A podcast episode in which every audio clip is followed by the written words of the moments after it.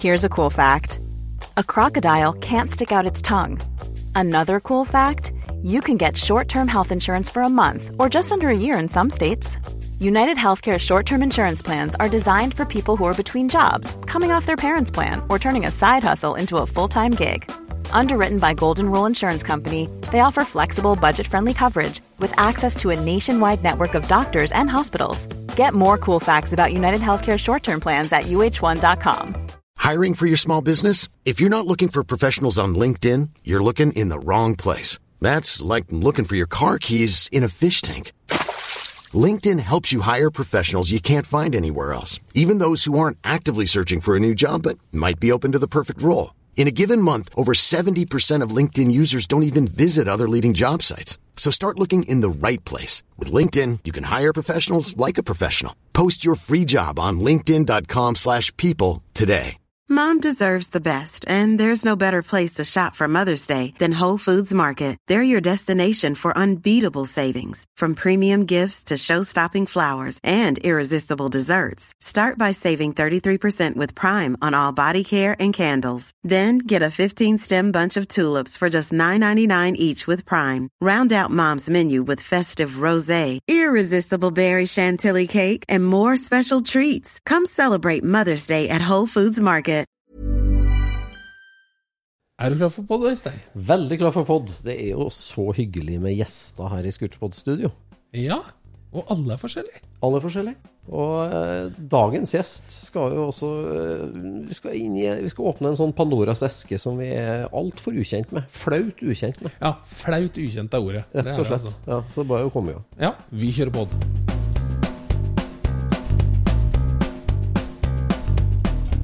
Du lytter nå til Scootspodden, en norsk podkast om klassisk bil med Jon Roar og Øystein.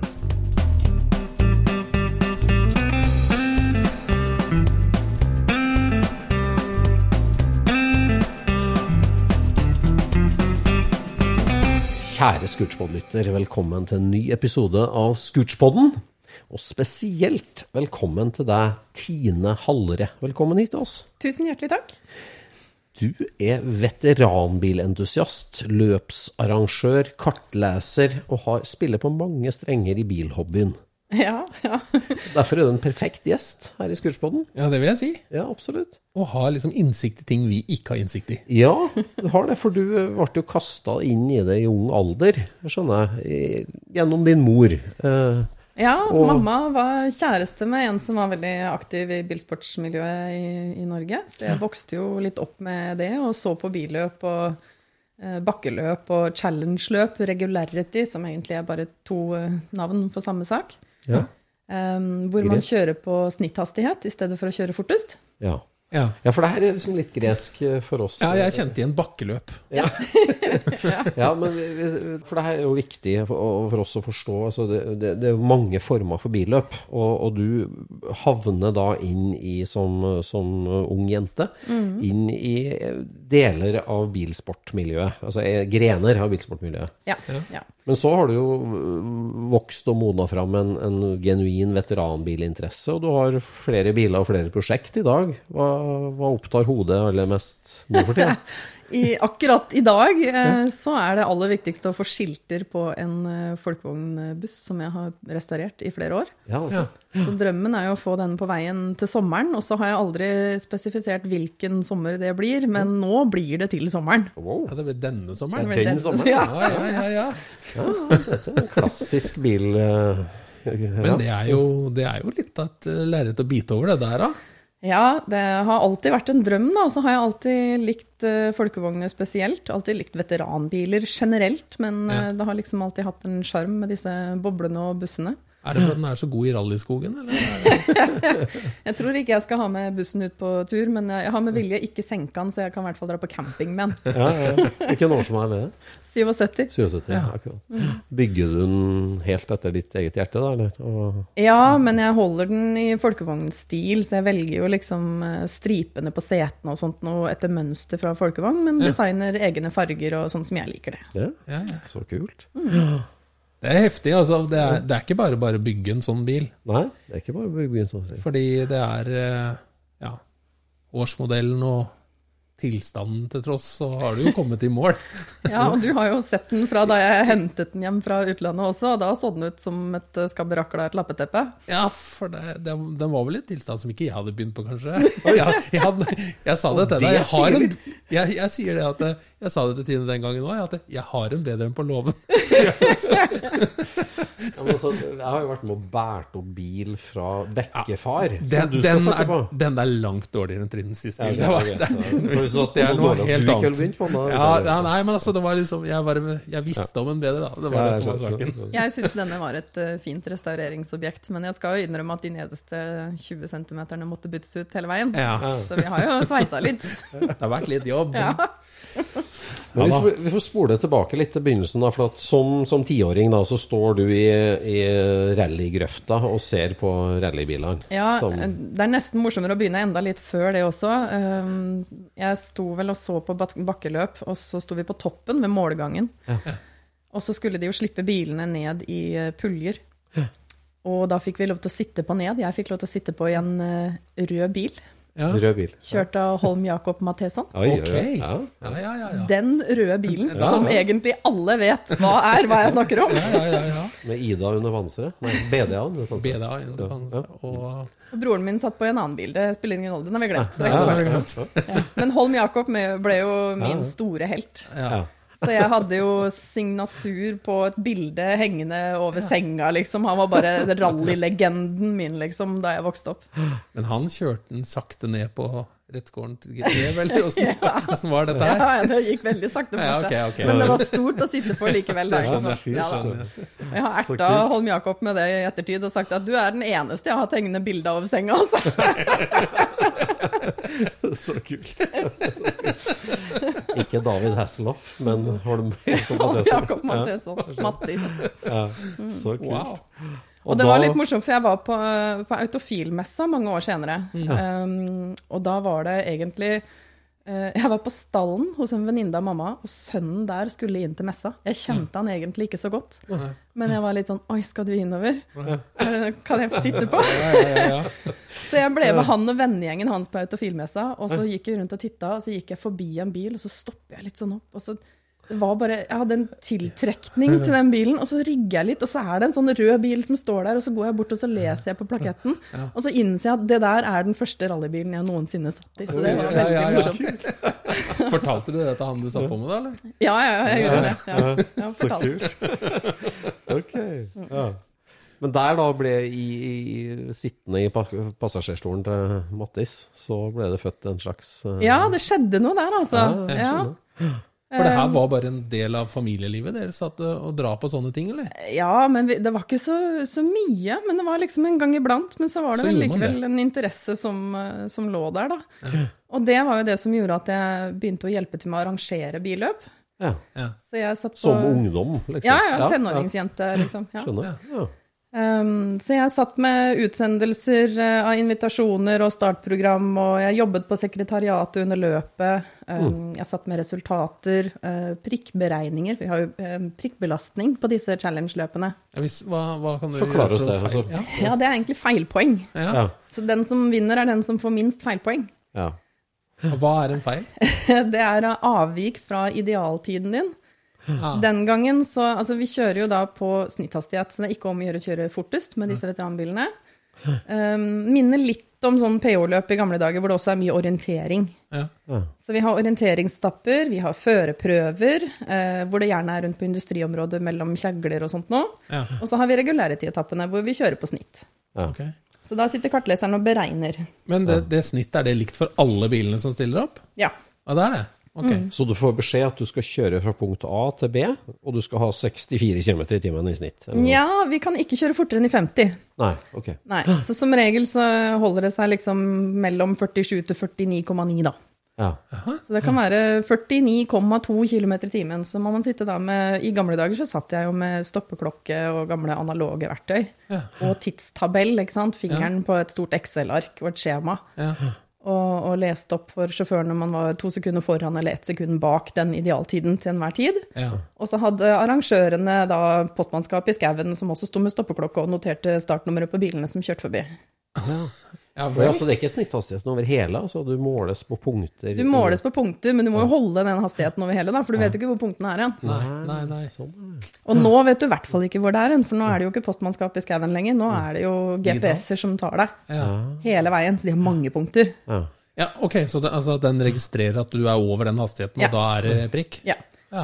Så hvis du da stiller opp på en lørdag på et challenge-løp, så består det av mange etapper, egentlig. Altså det er en slalåmløypeetappe, og det er en idealtidetappe, og det er en eh, kartleser, eller en navigasjonsetappe. ja. Akkurat. Så vi har jo hatt Sånn, ja. eh, orienteringsetapper rundt på traktorveier i skauen og litt sånt nå, så det er jo litt sånn hurra meg rundt. eh, Det er morsomt, det, liksom. Um, Ja, For dette her minner jo mer om veteranbilhobby. Altså når du sier at det går i 50, eller Ja. 47 til 50. Så Ja. ja, og så kan jeg si, det høres ikke veldig fort ut. Eh, og i Norge så klarer man jo å holde den snitthastigheten. ja. Men så har jeg jo kjørt Rally Monte Carlo en del ganger. Og det å holde 50 i snitt opp Col de Turini, det er litt vanskelig på snøføre i slaps og sludd og Og franskmenn er ikke så flinke til å brøyte veiene sine som det vi er her. De har ikke så mange brøytebiler, tror jeg. Nei. Nei. Har ikke så mye snø heller. Ja, jo, det er nettopp det de har, skjønner du. Ja, ja, Så det kan være fullstendig snøkaos der. Så 50 i snitt kan være veldig utfordrende. Det er som regel kjør så fort du kan, og så fort du tør, og så fort bilen går. Når var første gang du hørte om eh, Monte Carlo? Eh, Ja, det var jo da jeg begynte å arrangere disse løpene i Norge. Ja. Og så hadde jeg en, eh, en drømmebil som jeg stadig vekk så på startlistene. Ok. Og det var en Renault Alpine A110 fra 1977. Det er tøff bil. Ja. Lett, det er tøff bil. Litt unaturlig valg for eh, ja, 17-18 år gammel jente? Nei, det, nei, den har fine linjer og Ja, er lekker altså. bil. Og den var knallgul i lakken og dritkul. Dritkul. Ja. Så jeg sprang alltid ut på parkeringsplassen for å ta bilder av den da, når den var eh, inne til start og i mål og sånt noe. Men, men bare hvem var det som arrangerte det? Var det KNA, eller var det hvem eh? Ja, og NAF og, Og NAF. lokale bilklubber, og, så det var flere forskjellige. mm. Og du var med som frivillig i det apparatet? Ja. ja. Mm, skjønner. Og det var jo sånn jeg kom i prat med han eieren av den alpinen. Han heter Henning Jørstad. Ja. Du løp ut, tok bilde. Ja, og falt for bilen. Ja. Han er ekstrovert og like sosial som meg, så vi sto og skravla på parkeringsplassen. Ja. Um, og så viste det seg at han hadde ledig plass i kartleserstolen, da, så han sa du kan jo allerede reglene. Ja. Du vet jo prikkbelastningene og skjønner systemet og kan hele startprogrammet og Ja. Du har ikke lyst til å prøve deg som kartleser, da? Ja. Jo, det hadde jeg jo i drømmebilen min! Ja, ja, ja, ja, ja. ja. Så kult. Så vi kjørte et løp sammen. Jeg husker ikke om vi vant eller om vi kom på andreplass, men det gikk i hvert fall kjempebra den første gangen vi kjørte sammen. Så fortsatte vi å kjøre sammen, og så gjorde vi det veldig bra på de fleste løpene. Så Ja. Så han har jo vært min mentor. ja.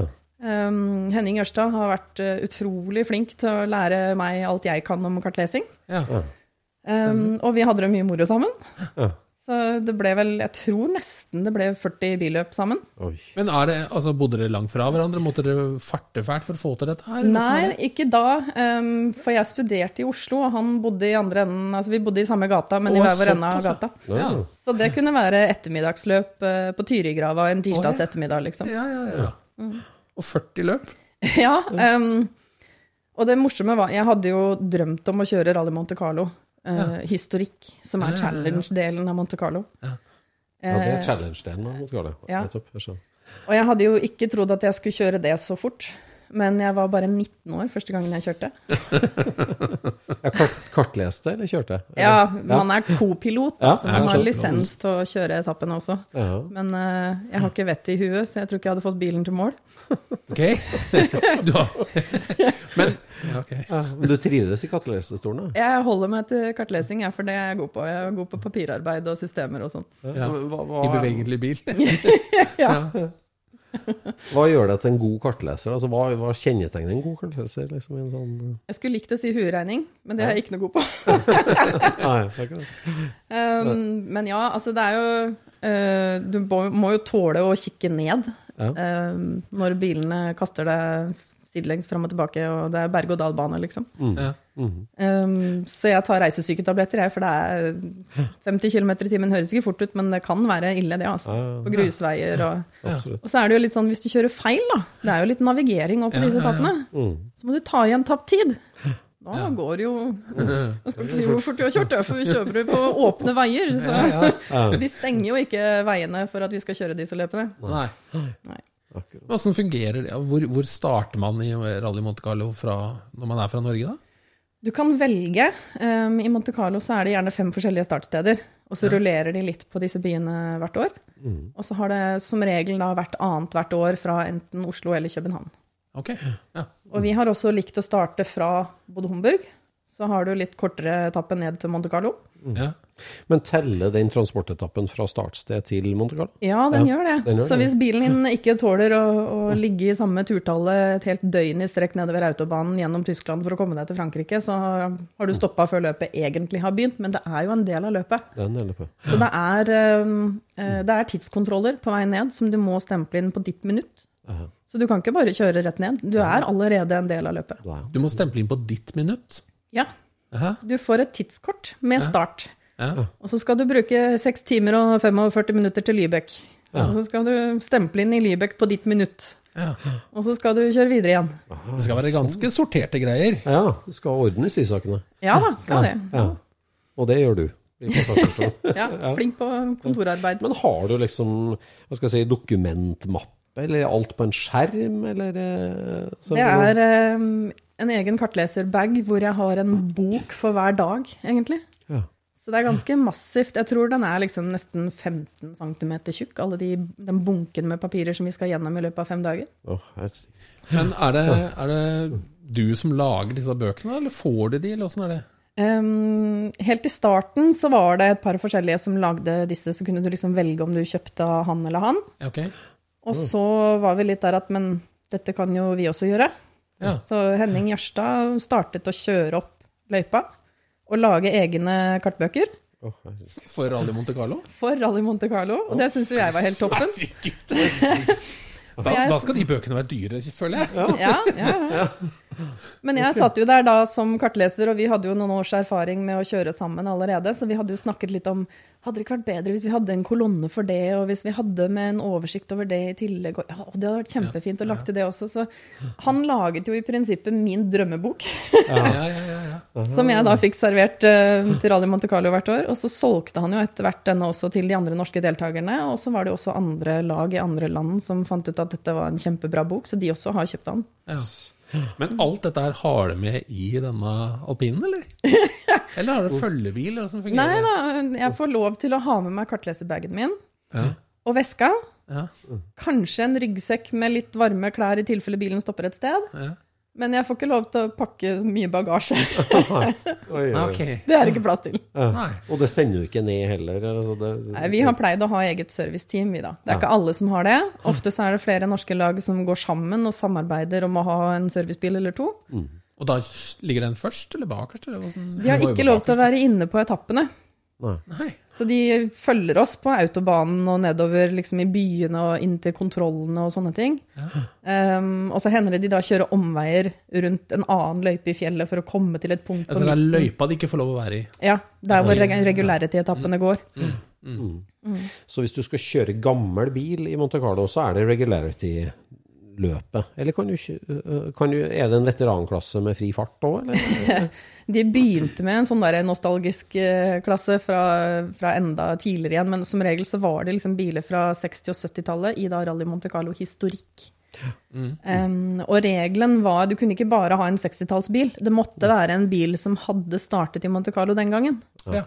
Så det er en, en startliste over biler med 'dette er det du har å velge mellom hvis du har lyst til å kjøre Monte Carlo'. Men eh, for noen år siden så annonserte de på premieutdelingen at de skulle øke til bare 1980, tror jeg, eller noe sånt nå. Ah. Og det ble jo bua ut, for da snakker vi jo plutselig at det er firehjulstrekkere og servo og sånne ting som kommer inn. Og det er litt dårlig gjort for alle de andre. Ja, Ja, det er. Ja, for da, alle de andre stiller på helt like vilkår. Nei, det er klasser og grupper i Monte Carlo. Så de deler det inn både i årsmodell eh, og kubikk på motoren. Akkurat. Og dere kjørte nå Alpine. Ja. Er det noen klasse for bakmotor? Nei. Nei. Det er, eh, men det er jo da den klassen som er vanskeligst å, å vinne i, for det er veldig mange biler i den klassen med den, den motoren og kubikken som vi hadde, da. Ja. Um, også, men ja, vi kjørte jo sammen ganske mange år, men så ble Henning også kartleser. Ja. Så han solgte bilen. Jeg tror han fikk litt nok etter at den stoppa et år. Den stoppa, og da var det slutt. Vi hadde egentlig bare sjarmøretappen igjen. Eh, Den stoppa helt på slutten av, av løpet. Eh, Og vi sto ute i tre timer og prøvde å bytte alt som var, og fikk den ikke i gang igjen. Så vi måtte bryte løpet der og da.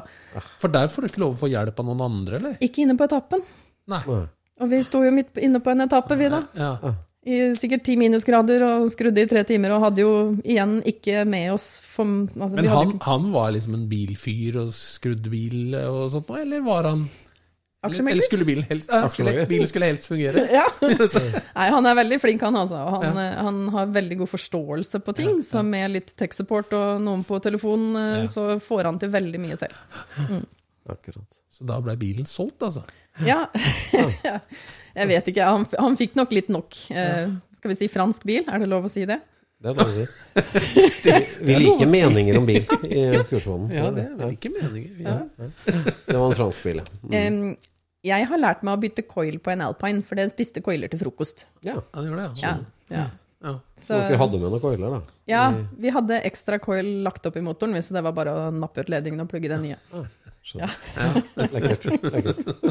Så ille var det. Ja. Så han ble nok litt lei det, kanskje, da. Ja. Så han eh, solgte i hvert fall bilen og ble kartleser, han også. Ja. Um, og så begynte jeg å kjøre med en som heter Tore Johannessen i en Porsche 911. Men da kjører du også løp hjemme i Norge fortsatt? Eh, Eller var det Monte Carlo som var I starten så kjørte vi mye i Norge og Sverige og Danmark og sånt noe også. Um, men etter hvert så ble det bare Monte Carlo. Ja. Og så ble det noen småløp i Norge litt for å holde det litt ved like. Og så arrangerer de Winter Challenge som en oppvarming til Monte Carlo. Så det pleier de fleste å være med på. Det er et helt sirkus, det her. Ja, ja. Ja. norsk menighet? En fast en gjeng som kjenner hverandre, liksom? ja, og så er nordmenn veldig godt representert i Monte Carlo. Det pleier å være med rundt sånn 330 biler, og så har vi hatt liksom over 20 norske lag. Oi. Ja. Så vi er jo mange, egentlig, i det store og det hele. Jeg brukte å dra ned og se på starten på KNA Motorhotellet på Ja. nedfor, Solli plass. Ja, ja, ja. Mhm. Men da flytta du over til 911 og ble kartleser der. ja, Ja. ja. Og hvordan da, er, det, en annen klasse, annen fart, på en måte, det? Det Nei da, det er samme, samme opplegget. Vi også kjører da med Du kan velge om å kjøre med lav hastighet, men ikke med de motoren og kubikkene som, som jeg har vært kartleser i. Nei. Da må du kjøre på den høyeste hastigheten. Ja. skjønner? Og hva er den høyeste hastigheten? Ja, det er fortsatt under 50, da. Det er fortsatt under 50. Men det kan være 49,9 på en etappe du ikke har lyst til å kjøre 49,9 i. For Ja. franskmenn har ikke hørt om autovern, og det er eh, stupbratt ned. Ja. Uh, og de har ikke så mange brøytebiler heller, så det er mye snø og is og glatt. Men kjører dere på vinterdekk, eller altså, hva, har dere med, eller hva, hvordan fungerer det? Der er det litt forskjellig. Noen velger å kjøre piggfritt. Ja. Eh, noen har veldig lyst til å kjøre pigg. Problemet er at eh, det er eh, egentlig forbudt da, i Tyskland. Ja, så hvis du skal kjøre transportetappen ned, så må du ha med et ekstra sett med dekk, og da burde du jo ha med servicemannskap. Ja. Um, vi foretrekker faktisk å kjøre på noe som heter sisterongdekk, hvor halve dekket er piggfritt, og halve dekket har pigger. Så det er bare halvlov, det, da? Ja, men det er litt sånn, akkurat når bilen krenger, så tar piggene tak der det trengs. Ah. Så de funker veldig bra. Yes. Men åssen er det altså, på en sånn eh, overnatting og sånt? Er, det, er de ute og skrur på bilen, eller, eller hvis det ikke har skjedd noe, så står den der bare? Eller? Du har ikke lov til å skru på bilen i Park Fermé. Så du sjekker inn bilen din på en måte for natta. Ja. Og der er det ikke lov å fylle bensin engang, altså. Nei. Du skal ikke ha motorrommet oppe. Nei. Um, Ja, når skal det serviceteamet jobbe på den bilen da? du har ikke så god tid. Men det må jo være på transporten, da. Så det er ikke Ja. store ting som kan skje. Nei. Nei. Um, men ja, det er, jeg har jo sett folk stå og stresse ganske mye langs, eh, langs veiene og prøve å fikse et eller annet problem, men da må man jo bryte hvis man ikke rekker det. Ja. For du må stemple inn på inntida di. Mhm. Og hvis du ikke rekker det, er det innenfor en halvtimes respittid, så er du ute. Ja.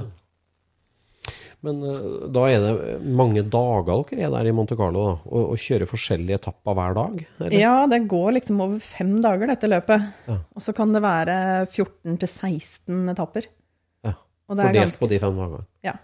Så det er ganske heftig. Det er, eh, Man står opp veldig tidlig, og så kjører man bil hele dagen. Um, man får nesten ikke søvn og mat i løpet av den uka. Så er det på samme hotellet hver, hver natt, eller? Nei, for vi beveger oss jo egentlig gjennom hele østre og søndre delen av Frankrike. Ja, akkurat. Så vi, som regel så er det jo da fem startbyer rundt i Europa, og så samles man i en større by i Frankrike. Ja. Og da starter alle disse etappene. Så det er sånn, transportetapper og tidskontroller og sånt noe ned til en sånn stor by. Som regel Valence eller Saint-Étienne. Mm. Og så begynner vi å kjøre disse, eh, disse etappene. Og da eh, eh, De første etappene de avgjør hvordan startrekkefølgen blir videre neste dag. Så det er en regrouping, sånn at de som gjør det best, de må stå opp tidligst. Det er litt nedtur. Ah, okay. Du må liksom stå opp klokka fem om morgenen, og så skal du da kjøre bil i tolv timer i strekk. Og så er det liksom Nå kan du velge. Vil du gå på en restaurant og få i deg et godt måltid, eller vil du bare kubbe? Ja. Ja, ja, ja. Men du som kartleser, da sitter du med ei matveske òg, da? Og fôrer sjåføren Ja. og deg sjøl? Ja. Og han eh, Henning han var veldig der på Mariekjeks og cola. Det kunne han overleve på en uke. Det høres ut som rallymat. Ja. Det var viktig å få litt energi og ikke gå tom, sa han. Så ja, Mariekjeks og cola. Men når dere da sitter konsentrert tolv timer hver dag, fem dager i strekk det, altså, det, Dere prater bare business, skulle jeg si, altså bare kartnoter og sånn, eller sitter man på tur, liksom? Vi sitter bare og kødder. Ja, ja. Sitter og teller hvor mange gamle damer vi kan ta med døra hvis vi åpner den, og gamle sykler vi kan velge og Ja, ja. ja, nei, vi har det mye moro i bilen. Det, er, eh, det har vært utrolig koselig å kjøre løp med Henning. Ja. Slakker ikke av hvis du ser en konkurrent i veikanten, liksom. Henning er kjent for å råkjøre litt òg, da. Så Ja. vi hadde jo en sånn internkonkurranse på å kjøre forbi andre deltakere på, på transportetappen òg. Vi hadde det jo like moro på transportetappen. Ja, ja. Men det er en ren transportetappe, da er det ingen sjekkpunkt eller poeng, eller? Nei da, men uh, i gamle dager så hadde arrangøren bomma litt, så de satte så stram inn-tid at transportetappen var jo rally, det òg. men jeg tror vel det har vært noen, eh, noen sure sivile som har hytta litt med noen knyttnever og rapportert Ja. oss til politiet og arrangøren og litt sånne ting, så de måtte gi oss bedre tid på transportetappene for at det skulle være fair. Ja, akkurat. Ja, For det, er, for det er helt opplagt uh, når du ser på bilen at den er med i et løp. ikke sant? Du har jo startnummer og alt ja. det der her. ikke sant? Så det er jo ikke... Men det er forskjellen, da. I Norge så blir vi liksom hytta med etter nevene fordi folk er sure og vil vi skal bremse ned. Ja. I Frankrike så har de en litt annen måte å hytte på. De gir en sånn derre tråkk på gassen, da. På gassen. Så du har sånne gamle damer som sitter ute i rullestolen sin på utsiden av en eh, stuevindu i en village og heier på deg at du skal skrense rundt stuevinduet hennes, liksom. For dette er folkesporten i Frankrike. Du er jo helt hvis du kommer med startnummer på siden av bilen, liksom. Ok, Så kult. Det er tøft, da. Ja, Ja, men er det for at de, altså, Kjører man ganske ofte samme ruter, eller? Altså, Ja, altså det er, det er flere byer vi alltid er innom, på en måte. ja. Og så er det jo distrikter. Eh, og vi har jo inntrykk av at vi tømmer jo hele distriktet for folk, for alle samler seg langs veiene for å heie på oss. Og det fascinerer meg hvordan folk gidder. Altså Hvis det er snøstorm, så sitter folk ute, og så, så krøller de seg sammen under en paraply. Og så kommer det en rallybil forbi, og så spretter de opp, og så vinker de og vinker at vi skal tute og gasse på litt mer, liksom. Og så krøller de seg ned under den paraplyen igjen til neste bil kommer. Uansett vær og uansett minusgrader, så er alle i den byen ute. Hvor tett er det mellom bilene, da? Det er ett minutt mellom hver bil. Å ja, det er det, ja. ja, ja, ja. Og hvor mange da kjører? Ja, 330, sa du. 330 deltakere. Akkurat, så Og da så er det kommer de jo gjerne etter hverandre, og noen kjører forbi, og noen klarer ikke å holde farta og sånne ting. For det, altså Monte Carlo har jo også vært litt eh, eh, mange gutters drøm. Så det er mange litt sånn rikinger som alltid har hatt lyst til å kjøre rally, og så melder de seg på, og så kan de egentlig ikke kjøre. Mm. Så du møter på dessverre noen idioter i løypa som kan ødelegge for deg. Ok. Og det er jo også litt av gamblingen, da. Du skal ha litt flaks også for å vinne. Ja. Du må prøve å unngå alle idiotene, liksom. Men ville ikke de bare ha leid en veldig flink kartleser som hjalp dem litt, da, eller? Sånn som meg. Ja, ikke sant? Nei, altså de må jo ha kjøreegenskapene. Ja. Eh, Men de kommer ikke motsatt vei, liksom, når du er ute og kjører? Jo, det kan jo hende. Ja, det kan hende. Ja. Ok, ja. Men det er, ikke, det er ikke så vanskelig navigering i Monte Carlo. Der sier det seg selv, som regel. Ja. Eh, Men det hender jo folk kjører feil der òg. Ja. Ja. Men så hvis eh, du da benker deg med grillen og under paraplyen og setter deg, så da, da er det 330 biler som i utgangspunktet kommer med et minutts mellomrom. Så, så hele dagen kan Ja, du sitte der og se bil? Da, Ja, ja, ja. Og, men mm. vi kjører jo fortsatt ikke på sperra veier, da. Så hvis du har en eller annen sitronbonde som er litt sur, så kan jo han finne på å være ute med traktoren sin for å sabotere litt. Så det er jo litt sånn Du skal, du skal unngå alle farene da, for å komme først i mål, liksom. Altså til tida di, og uten prikker. Men som kartleser da, så sitter du og følger med på navigering og, og hastighet og sjekkpunkter. Og du, I utgangspunktet så er du travel og opptatt. Jeg har ganske mye instrumenter. Nå har de innskrenka uh, i år at du kun har lov til å ha to instrumenter, tror jeg. Men vi har jo hatt dashbordet fullt noen år før. Ja. Så det begynte jo liksom bare med stoppeklokka og boka og tidstabellen og sånt noe. Og så gikk det over til eh, noen elektroniske tidstabeller. Og så gikk det over til elektronisk trippteller. Ja. I stedet for de gamle mekaniske halvdagene, liksom. Um, og så var det noen som til slutt um, kjøpte noe som heter Krisartek, som er en trippteller som kalibrerer seg etter GPS. Ok. Og da er kartleseren egentlig bare passasjer. For en av de viktigste arbeidsoppgavene til kartleseren, det er å justere trippen. Den Ja. må være nøyaktig etter punktene i boka. Ja, for da nuller den du hver gang du kjører forbi et sånt punkt, da, eller? Nei, jeg nuller den ikke, men jeg justerer den pluss og minus, sånn at den viser Ja. det samme som uh, tulipanpilen og avstanden og totalavstanden i boka mi. Ja. Akkurat. Så sånn sitter jeg i fem døgn i strekk. Ja, ja, ja, ja, ja, ja. Men du sa nå er det bare lov med to. Altså, er det noen av de der som er forbudt å bruke nå, eller kan du velge to? Du kan eller? velge hvem du vil ha, men jeg, jeg lurer på Nei, Krisartekken tror jeg faktisk har blitt forbudt. Jeg har ikke satt meg inn i de nyeste reglene som har kommet nå, for jeg skal ikke kjøre til neste år. Så det, ja, for det er noen her et eller annet sted som er opptatt av at dette er en sport. ja. Ja. Ja. At det skal være rettferdig og Jeg var jo en av pådriverne. Altså, da, folk begynte jo med GPS i Norge. Og jeg var en av de aller siste som hadde GPS i bilen, for jeg syntes det var morsommere da det var gammeldags. Ja. Mm. Mm. Men det er lov nå, GPS. Ja. Ja. Men nå er det visst sånn at du skal legge mobilen din i en forsegla pose, og nå, til neste år blir det spennende. Nå er det ikke så mye hjelp å få. Oi, så bra, da. Ja. ja.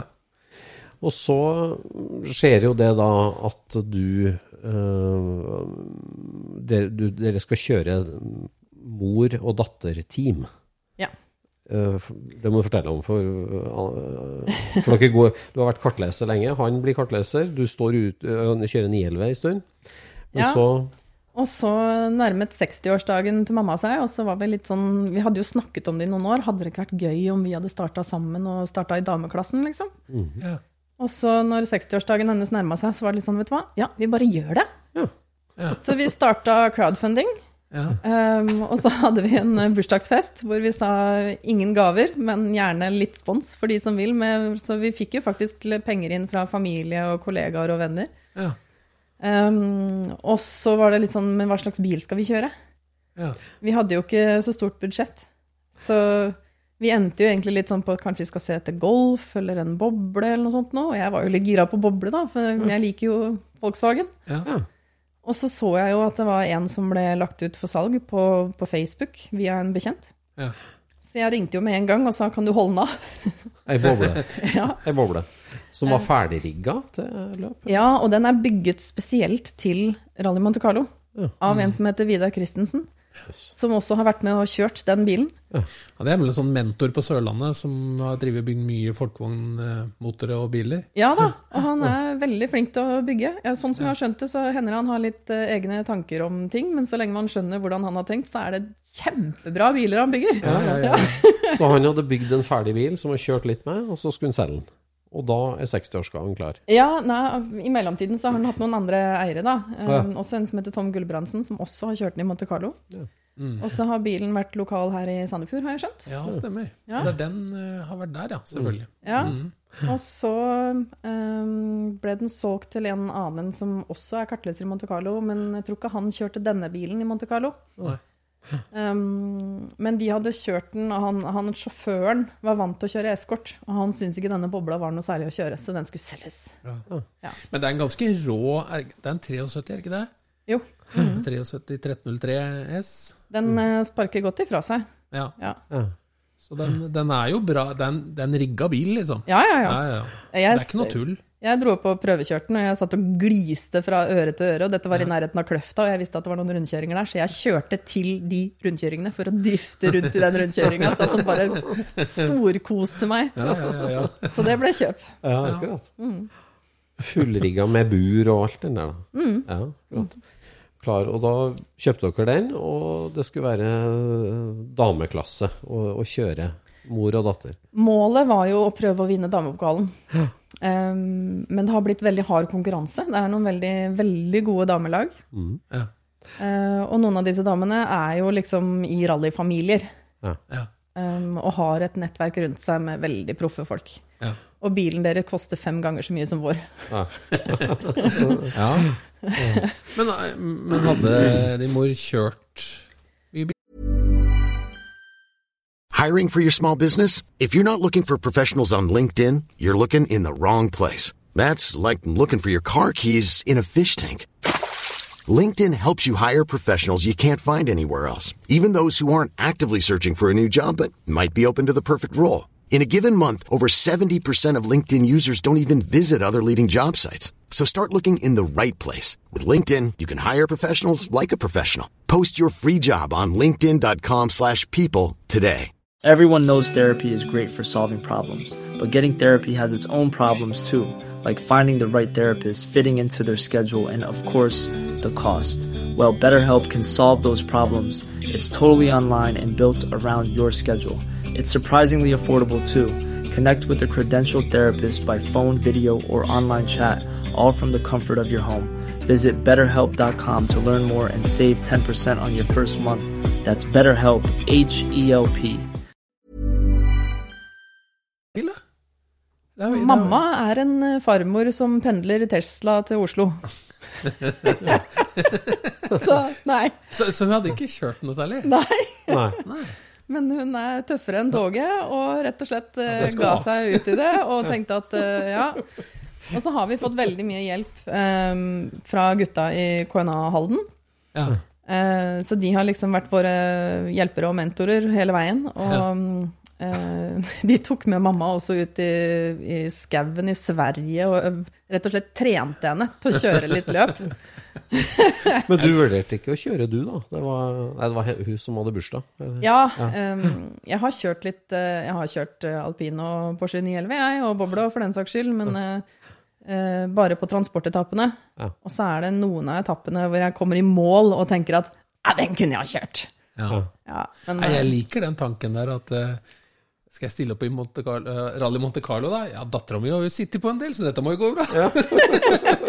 men det også skal sies. Mamma har også vært kartleser i Monte Carlo. Ja, Ja, har det. Hun har kjørt tre ganger og vunnet to av dem, så jeg okay. har litt å leve opp til der. ja, ja, ja, ja. Vunnet to ganger. Vunnet to ganger og kommet på en ellevteplass den tredje gangen. Så um, Med et norsk team, eller? Med, eller? Ja, og de var også Den gangen var det faktisk lov å være tre i bilen. Ja. Yes. ja. Ok. Hva gjør tredjemann? Smørbrødskiver. brødskiver. de bytta litt på, da. Være sjåfør og kartleser, og, Ja, sånn, ja. og to kartlesere som passet på den andre, og litt sånt noe. Så, mm. God stemning. så mamma erter meg litt, da. At uh, jeg har bare en andreplass i Monte Carlo, og hun har to førsteplasser. Ja, ja, ja. Ja, ja. Jeg får høre den litt. Hvor mange ganger hadde du kjørt det da, før dere starta med bobla? Jeg tror det har blitt sånn 13 ganger eller noe sånt. Oi, oi, oi. 13 ganger. Jeg Ja. tror Mm. Ja. Jeg begynte første året Første året mitt i Monte Carlo var 2006. Og så har jeg kjørt eh, så å si hvert år siden. Ja. Men det har vært noen års Jeg hadde to års opphold, og så var det også korona og litt sånt nå. Så, Ja. ja. Men hvordan gikk det da med de to damene i den oransje 1303-en? ja, vi har ikke klart å ta damepokalen med hjem. Eh, vi har også måttet bryte. Ja. Men vi har kommet i mål med, med veldig respektabelt resultat. Ja. Og så har vi kanskje klart noe av det ingen andre damelag har klart før. Okay. Eh, vi lå på topp ti gjennom hele Monte Carlo frem til nattetappen. Ja. Da raste vi nedover. Vi gjorde en gamblingfeil i forhold til om vi skulle ligge foran tida eller ikke på idealtida. Ja. Eh, og vi gambla feil, og noen andre gambla riktig. Men uh, Jeg husker spesielt vi kom i mål, Uh, det må jo ha vært en av de første etappene. Og så møtte vi servicemannskapet vårt for første gang da, etter at vi hadde kjørt de etappene. Og jeg husker mamma hadde kjørt som en gris. Fy flate, hun kjørte bra. Men hun kjørte kanskje litt mer i rykk og napp, for hun var veldig på hugget at hun skulle flisespikke vekk alle disse halvsekundene som vi ikke skulle få noe prikkpoeng. Så da ble det litt rykkete kjøring for meg, så jeg var jo kvalm som bare rakkeren når jeg kom i mål.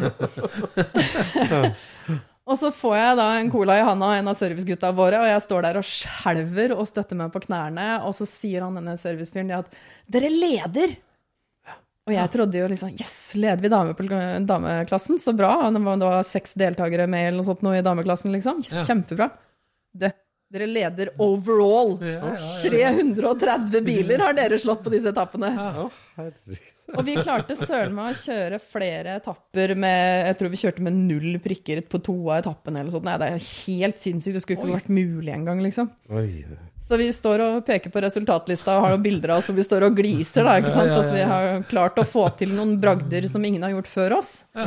Um, og da var det plutselig mange som sperret øynene opp for damen i den oransje bobla, da. Så det var kanskje verdt mer for meg enn å ta med meg en damepokal hjem. Så var det, det var kulere, liksom, å få til det. Ja, ja, ja. Ser den. Du sto og ville spy, omtrent, med colaen i hånda. Vi kjører jo med gamle rallylegender.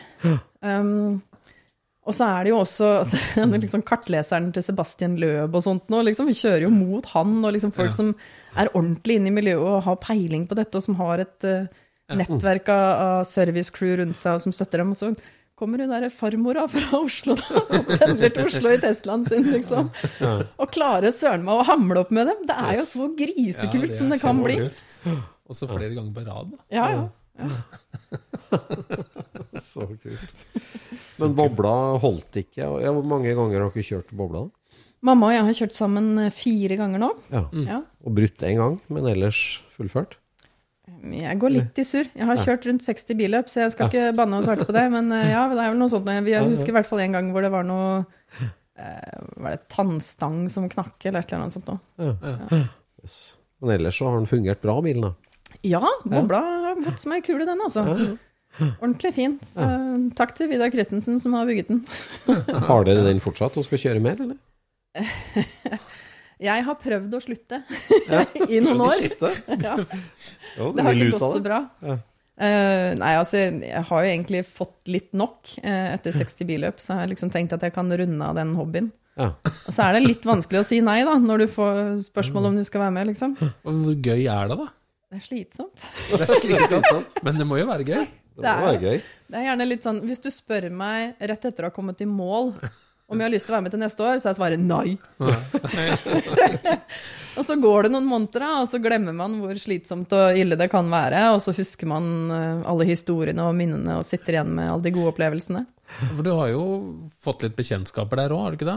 Jo, jo. Altså, det er jo Når vi er 20 norske på tur, så pleier vi å samarbeide om hvilke hoteller vi bor på, sitter og samles i restauranten og baren på kvelden og skravler i skrøn og ja, koselig. Det internasjonale miljøet, da, liksom dem, den familien du møter der nede, altså alle de 330 timene, det er mange som er tilbake gang på gang, og som du. Ja da, så du blir jo kjent med noen av dem, men så kan du si at det, det er ikke så mye tid til sosialt. Altså, for Monte Carlo er et uh, strevsomt byløp hvor man pusher seg selv så til grensen at mange sovner bak rattet. Så det er ikke så likt eh, Gumball 3000 som jeg tror det er, altså. Er det mye skravling der? Jeg tror det er ganske hardt sånn, nedpå, altså. Jeg tenkte det var litt sånn fine middager på de hotellene, og at det var litt sånn mm, stas og sosialt, men det er ikke det. Altså. Du rekker ikke så mye av det. Altså, med en gang du kommer ned til Monte Carlo, så er det liksom ja, så er det innsjekk på hotellet kanskje i femtida, og klokka ni så skal du ut igjen og kjøre nattetappe. Så ja, nå har du kjørt bil i fem døgn. Du har fire timer på deg. Vil du sove eller spise, for du må velge. Du rekker ikke begge deler. Mm, mm. Så da må du jo faktisk ta et valg. Jeg mener du har pakka med deg kjole òg. Ja, og det er jo også en av høydepunktene, om å være med på gallamiddagen og premieutdelingen etterpå. Å ja, ok. Det er etter det, ja. Da, du, da har du fått hvilt ut først, og det, eller Ja, altså eh, Det er etter nattetappen igjen, og så får du da en dag da til å sove lenge på. Og så er gallamiddagen eh, den ettermiddagen. Ja. Og så flyr vi hjem morgenen etter gallamiddagen. Det er kjempegjennomtenkt. Ja, bilen blir sendt hjem på noe vis, eller går på Ja, som regel så er det samordna transport da, for alle de norske bilene. Det er noen som kjører hjem igjen nå. Ja, samordnet transport. Men hvis du da prøver å legge kartleserhobbyen eller karrieren på hylla, eller kvitte deg med den hobbyen øh, Du har jo Altså, bilengasjementet ditt er jo fortsatt øh, sterkt.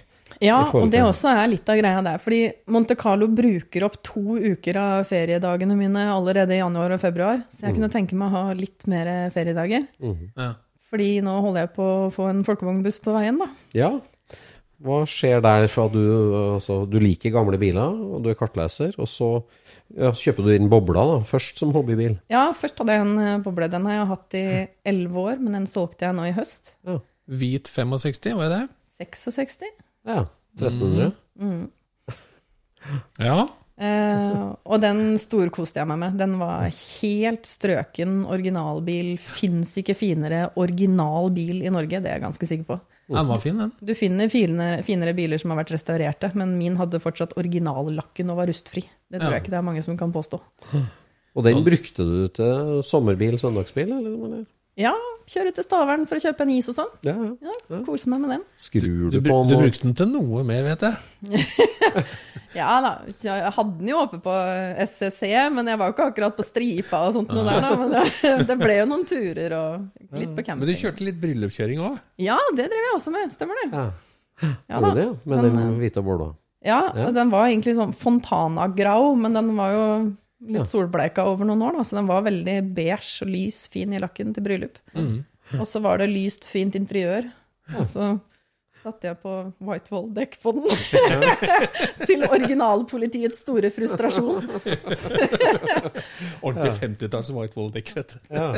Ja. Ja, men den var jo over the top eh, bryllupsbil. Ja, den var det. Som med hvite satengbånd over panseret og sånt. noe, Så. Mm. Målet var egentlig å tjene inn det jeg hadde gitt for bobla ved å kjøre den som bryllupsbil. Ja. Så ja, jeg kom et godt stykke på vei. ja. Ja. Så hadde mange brudepar baki der, da. Ja da, jeg hadde det, altså. Så opplevd alt fra glade bruder til veldig nervøse bruder. Nei da, bare slapp av. Det er helt vanlig. Alle har sånne nerver som dette. Ja. Akkurat. Men øh, å ofre bobla da for buss, da måtte bussen være en skikkelig drøm, da. Jeg gråt da jeg laget annonsen for å selge bobla. Ja. Ja, det satt langt inne. Jeg hadde virkelig ikke lyst til å kvitte meg med den, rett og slett fordi jeg visste at jeg aldri kommer til å få tak i en så fin boble igjen. Nei. Um, men så var det noe med at det å pusse opp en eh, buss, det er dyrere enn man tror, da. Så jeg fant ut at eh, nei, jeg har mer lyst til å ha bussen på veien. Eh, og så er det noe med at du kan bare kjøre én bil av gangen. Og da er det bussen jeg hadde lyst til å ha mest glede av. Snubla du, du over den bussen, liksom? Eller hvordan Hva skjedde der? En sånn hersens kompis da, som sendte meg en link. Jaha? Um, men jeg tror vi er skuls, fordi jeg sendte han en link på en bil som han endte med å kjøpe, og det var også mye arbeid.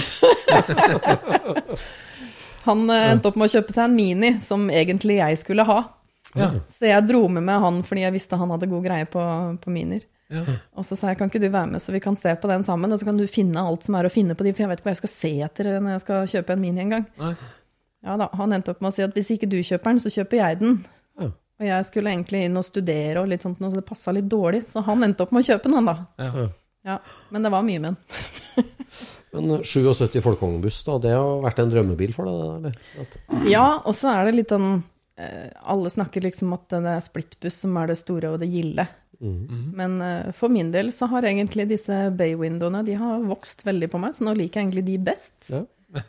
Det er en fordel når man har en. Ja, det er fint når man har en sånn. Så nå har jeg faktisk begynt å selge alle modellbilene av splittbussene mine, og heller begynne å samle på de med bay window i stedet. Shots fired! Er det det? Akkurat. Men ja, det også er faktisk litt sånn for å prøve å dra inn litt penger for å få den bussen på veien. Så jeg selger modellbiler for å få en lekebil i størrelse 1 til 1. Men det, Det dette, altså- er, jo- dette er jo en buss, ikke en varebil, så du har jo vinduer rundt hele. Ja. Og så er det vel også en walkthrough, er det ikke det? At du kan gå fra førerplass og baki? Mm. Så var det originalt en eh, åtteseter, men da jeg kjøpte den, så var den jo renska, egentlig, da. Ja. Um, For det hadde ny- jo vært noen som hadde pussa opp denne her før deg. Altså pussa Mange- opp i denne resell uh, ja, mange kokker mye søl, er svaret der. Det var mye malingssøl, i hvert fall. Ja, det var mye kreative løsninger og masser skruehull som jeg ikke veit hva er til, og litt forskjellig. Ja, da. Ja. Men måtte du til utlandet og kjøpe den, altså? Du fant den ikke i Norge? Eh, fant den i Sverige. Ja. Og dro med meg en av disse gutta fra KNA Halden, for jeg hadde jo ikke mulighet til å hente den med meg hjem. Nei. Så jeg bare Du, kan ikke du kjøre bilhenger? Men da hadde du garasje hjemme klar, og alt, eh, alt var liksom lina? Nei, eh, det var jo også litt av problemet, da. Fordi jeg trengte jo en garasje til å ha bussen i. Men Hvis jeg bygget en garasje, så hadde jeg ikke råd til bussen. Og hvis jeg kjøpte bussen, så hadde jeg ikke råd til å bygge garasjen. Nei. Men prioriteringer og alt det der, så ble det buss først. Ja. Naturlig. Og så eh, pusset jeg opp eh, huset mitt en del, og så refinansierte jeg. Og så tok jeg opp eh, lån igjen på det, og så bygget jeg garasje til bussen og fikk en hjem etter hvert, da. Er det her det huset som er ca. like stort som en Folkvogn-buss? Ja, det er det. Hvis jeg hadde bygget dobbeltgarasje, så hadde garasjen vært større enn huset. Jeg hadde enebolig på 42 kvadrat, så jeg kunne ikke bygge dobbeltgarasje der. Så det ble en enkel garasje til bussen, da. Det går systematisk fram. Og der hadde du en snekker som vi kjenner godt. Viljar Våge. Oi, som bygde garasje? Han hjalp i hvert fall til. Han hjalp til da han var litt på dugnad. Ja, Ja, ja, ja. Jeg ville er en god kompis av meg. Ja, det. Så bra. Han er jo reisende med hammer. Ja, han er resten av Hamar. ja, det er altså- Ja, det var jo egentlig sånn jeg ble kjent med han òg, for han var jo reisende. jeg skulle til Italia, han skulle til Spania, så vi holdt følge gjennom Tyskland. Ja. Ja. Du kjørte boble, og han kjørte buss? Nei, jeg kjørte dessverre en Volvo V50, men jeg fikk lov til å se på bussen hans hele veien, så jeg lå jo rett bak han. Ja. Ja. Ja, For dere møtte hverandre på veien? Det? nei, vi hadde jo møtt hverandre på Eller chatta på Facebook før, da. For oh, han, er jo, han er jo veldig aktiv på å kommentere på ting på. Fjaseboka. Ja. Veldig. veldig. Så jeg visste jo godt hvem han var, og hadde jo liksom kjent han en liten stund. ja, ja. Um, og da jeg skulle til Italia, så skulle jeg da krysse Europa alene som jente, og så tenkte jeg da er det tryggere å henge seg på en som jeg noenlunde veit hvem er. ja. Ja. Så, Og så hadde du en baby, da. Ja eh, han, kjørte, eh, han kjørte jo den derre high roofen sin. Ja, stemmer. Ja da. Den som han krysser fram og tilbake mellom eh, Pendlerbilen til Spania. Ja, pendlerbil. til- Perfekte pendlerbil. Ja da. Men når du starter på 77 Baywindow, da, så hadde du da en sånn helt klar tanke med en gang hvordan det skulle bli? Eh, eller har det blitt litt underveis, eller? Eh, ja Det viktigste for jenter er vel fargen, så jeg var en sånn blå-hvit. Det var det første som var spikra. Ok. Men jeg veit ikke hvor mange runder jeg var innom med forskjellige blåfarger. For å finne den rette, ja. Ja, Men altså, hvis du ikke skrur så mye sjøl, da? Altså, det å starte med en så dårlig en, var det eller såpass røft utgangspunkt? Var det Ja, det var eh, Først så var det faktisk en i Skien som hjalp meg med å sveise den første delen. Så jeg ble tipset om han av noen andre. Eh, så det var litt av det som gjorde at jeg turte å kjøpe den, for da hadde jeg en som sa han kunne ta jobben. Skjønner. Så, men så ble den jo sendt til utlandet til å ferdigstilles, da. Å ja. Så nå har den vært i Den, eh, har vært, den ble sendt til Tyskland. Så er det en, eh, en i Polen som har tatt karosseriarbeidet. Ja, ja. Og så har han i Tyskland satt den sammen. Jaha. Og så er det en uh, ukrainer som er et uh, utrolig talent på å sy interiør. Oh, ja. Som har sydd setene. Yes. Og så hater jeg sort plast, og det er jo et problem når man kjøper seg en 70-talls Volkswagen. Det er et problem. Ja. Så uh, jeg sto og snakka med han lakkereren fra Polen, og så sier jeg det, er det mulig å lakkere dashbordet? Kan jeg bli kvitt den der sorte plasten? Han var litt skeptisk til det, da, men så var han ukraineren som sto der og bare Men jeg kan trekke det i skinn? Oi. Ja. Så Enda bedre. ja. Ja. Og vet du hva, det har blitt så utrolig lekkert. Jeg er så strålende fornøyd med den. Ja, Så kult. Så, men det har jo flydd noen kroner, da. Ja, sånn. ja. Selv om eh, jeg syns jo faktisk han som har laget interiøret, ikke har hatt eh, vett til å ta seg godt nok betalt for den fantastiske jobben han har gjort. Yes. Men du har vært prosjektleder og designa alt, eller bestemt alt hvordan det skulle se ut? Eller? Ja, Um, jeg liker jo å være ganske kreativ av meg, da. Så liker jeg å matche farger og tenke litt og planlegge. Og, så det er ganske Jeg hadde jo tenkt gjennom alt fra hva slags panel jeg skulle ha i taket, og hva slags materialer jeg skulle bruke, og hvilken stil jeg ville kjøre, men det var viktig for meg å egentlig holde det i Volkswagen-stilen, og ikke ta for mange kreative friheter. Men jeg har vært inne på tanken å bytte ut uh, instrumentpanelet til noe digitalt og moderne som har eh, baklys og litt sånt noe, men uh, jeg vet ikke helt om jeg har lyst til å ødelegge Volkswagen-skjermen med å gjøre det. Bygger du den som en campingbil, på en måte, eller som en tur? Eller så? Jeg har lyst til å ha det veldig basic, Ja. så jeg skal ikke ha vann og gass og sånt noe i bussen. Eh, Jeg skal ha en rock and roll-bed med et oppbevaringsskap. Kanskje en løs modul som kan fungere som noe kjøkken som jeg kan ta ut av bussen ved behov. Ja. Jeg må også ha plass til et hundebur. Ja. ja. For det er den andre hobbyen. Hund. Ja. Ja. Og det, det, er- det var også egentlig en tanke da, med å skaffe meg en folkevognbuss, fordi jeg var veldig mye rundt og konkurrerte nesten hver eneste helg med den forrige hunden min. Um, og så var jeg litt lei av å sove i telt, og jeg sov jo på parkeringsplasser, og der hvor jeg fant en gressflekk, så satte jeg opp telt. Jeg sov bak i bilen, ikke sant. Så, um, da hadde jeg en Turan som, jeg, som kunne ligge litt på skrå baki der, så klarte jeg å krølle meg sammen og sove i bilen.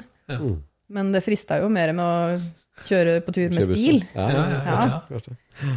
Men uh, ja, tanken var jo å spare penger på hotell. Men jeg kunne bodd mange netter på hotell for de penga jeg har brukt på å pusse opp den bussen. Sånn skal vi ikke tenke. Nei. Sånn, det, nå er du for rasjonell igjen. Det er ulempen med at jeg er så strukturert som jeg er, da, sånn ordentlig oversiktsordensmenneske. For jeg har jo budsjett, jeg har jo ført Excel-oversikt over det faenskapet her. Så det, jeg Det- det vet hva sluttsummen er. Ja. Det må du ikke. Slett den fila. Ja. Jeg trøster meg med det at uh, jeg kunne kjøpt en billigere buss for en uh, Eller altså, jeg kunne kjøpt en ferdig buss eh, som var registrert på veien for en billigere penge. Ja. Men det hadde jeg aldri hatt råd til. Nei. Å bla opp flere hundre tusen for en Ja, ja. ferdig buss, det hadde jeg slitt med. Ja. Men å kjøpe en som jeg måtte restaurere over mange år, og bla opp noen lapper innimellom, det har jeg, liksom, det har jeg klart å komme i mål med. En form for avbetaling. Ja, ja. Og for meg som kjenner Tine litt, da, så, så Altså, du jobba jo på et firma som lå vegg i vegg med gasolin. ja. Og det var liksom ikke Det var ikke mange uker du ikke var innom og spurte om et eller annet veldig teknisk som, som du gikk og lurte på. Men Så du, har du har bygd deg mye erfaringer. ja. Du har lært mye. Med bussen. Ja. Jeg har, altså, jeg tuller ikke. Jeg satt og leste Haynes-manualen en lørdagskveld, og det slo meg at jeg er ikke den gjennomsnittlige jenta. Nei, det høres utradisjonelt ut. Så jeg har prøvd å finne ut av ting. Jeg har, altså, det er jo ikke jeg som har bygget bussen, jeg har fått mye hjelp til det og satt bort mye arbeid. Eh, men jeg liker å ha forståelse for ting. Og så har det jo vært uh, ganske mye administrativt arbeid med å holde andre i jobb, med hvilke deler skal kjøpes inn, i hvilken rekkefølge, og hva trenger de, og sørge for at uh, alt går på skinner. Så jeg har jo måttet lese mye i Haynes-manualen. Altså var det jo ikke en komplett bil du hadde heller, så det har, du har jo vært mye deleleting, vil jeg tro. Ja, det er ganske, jeg har lært ganske mye om hva som skal til for å rett og slett komplettere en buss. Det er mange duppeditter. Ja, det er det, altså. Ja. Og hver minste jævla duppeditt koster 500 kroner. Ja, Da må du ikke begynne med Porsche, i hvert fall. For da kan du sette på null bak der. Ja, ja. Er så, ja. Ja, så bra, da. Så til, nå kommer den snart hjem til Norge, da, og så skal debutere i sommer. Den har vært i Norge i et år. Ei, okay. Jeg Har den i garasjen min? Ja, du har det, ja. Ja. Akkurat. Men når den kom tilbake, så hadde den jo ikke motor. Nei, skal med det, da. Nei, skal med det.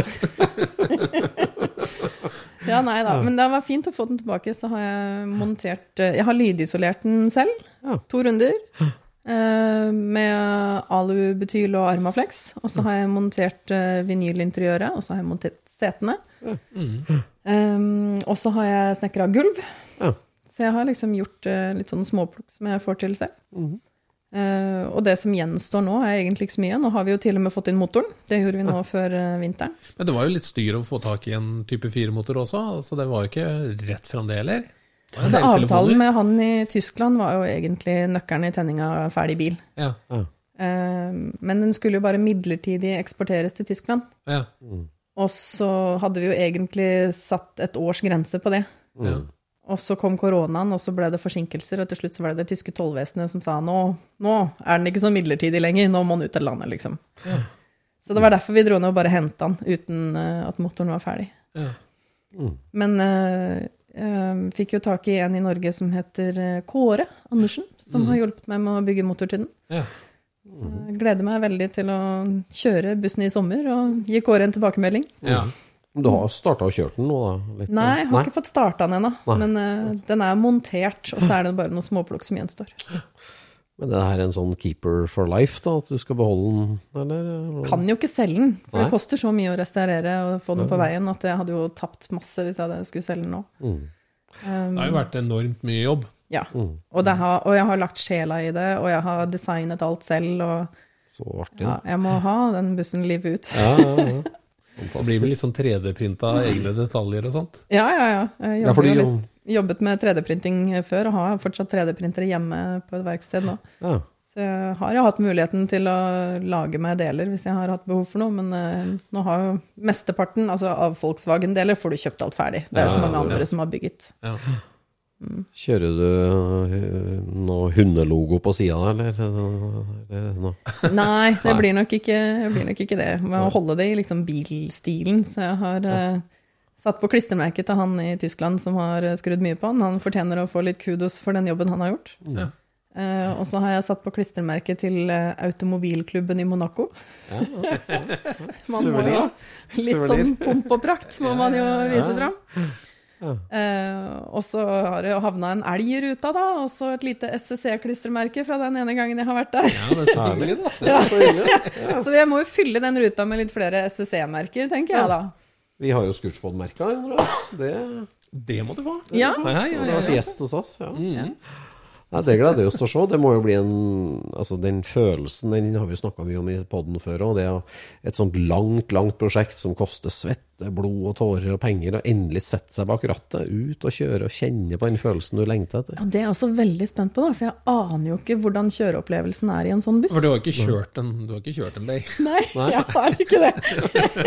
Jeg ser for meg at man sitter og spretter litt i setet med fjærer, og at det er liksom store sånne bussjåførbevegelser på rattet og sånn. Og så, Akkurat her og nå så er jeg glad for at du ikke bygde splittbuss.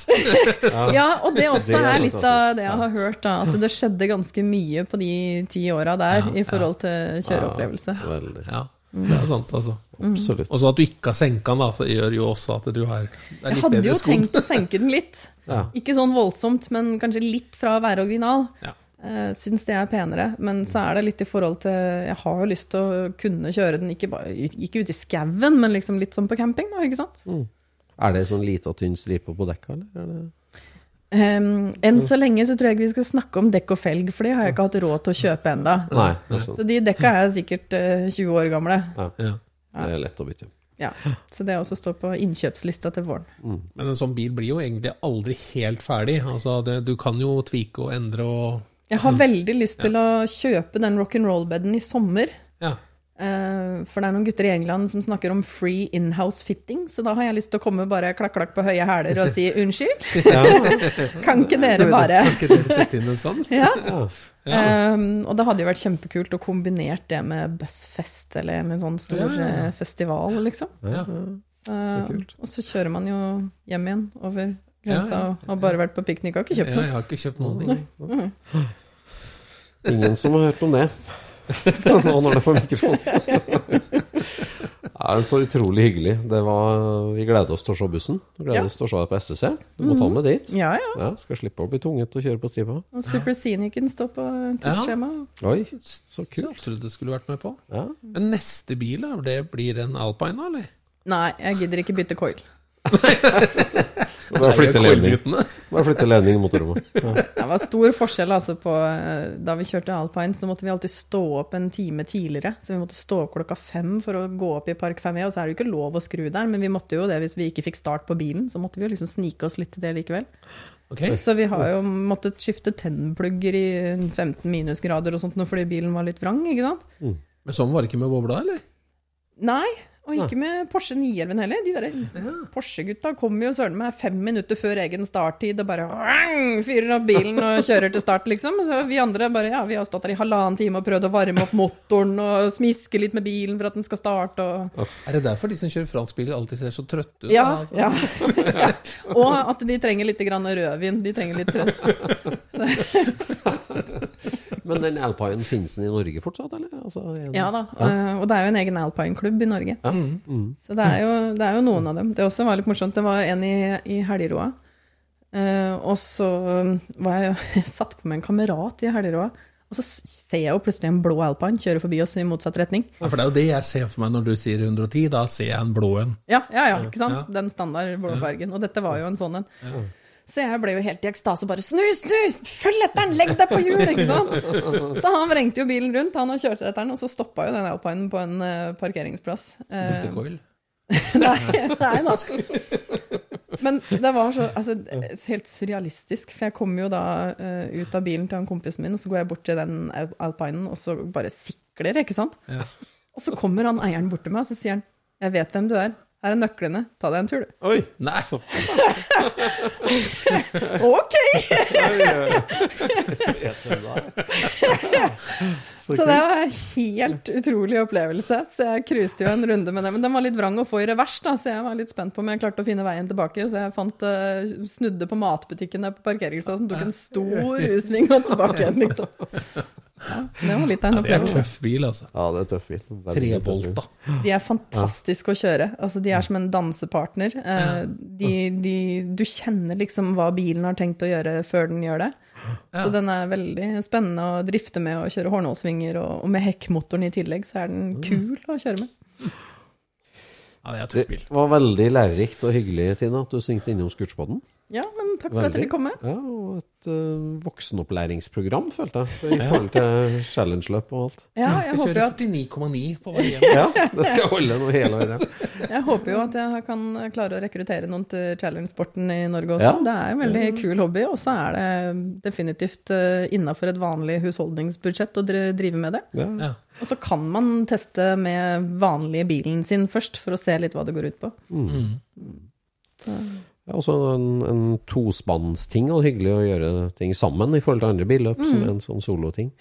Mm. Veldig bra. Vi gleder oss til å se bussen din, og så sier vi tusen hjertelig takk for selv møtet takk. her. Takk for besøket. Takk. Ha det bra. Ha det. Scootspodden produseres av SSC Media, med god hjelp av VV Norge og Trond Dahl for hosting, Knut Micaelsen for musikk. Abonner på Scootspod via podcaster eller Acast, og følg Scootspod på Instagram og se det vi snakker om. Der kan du også komme med kommentarer og innspill, og fortelle oss hva du vil høre om.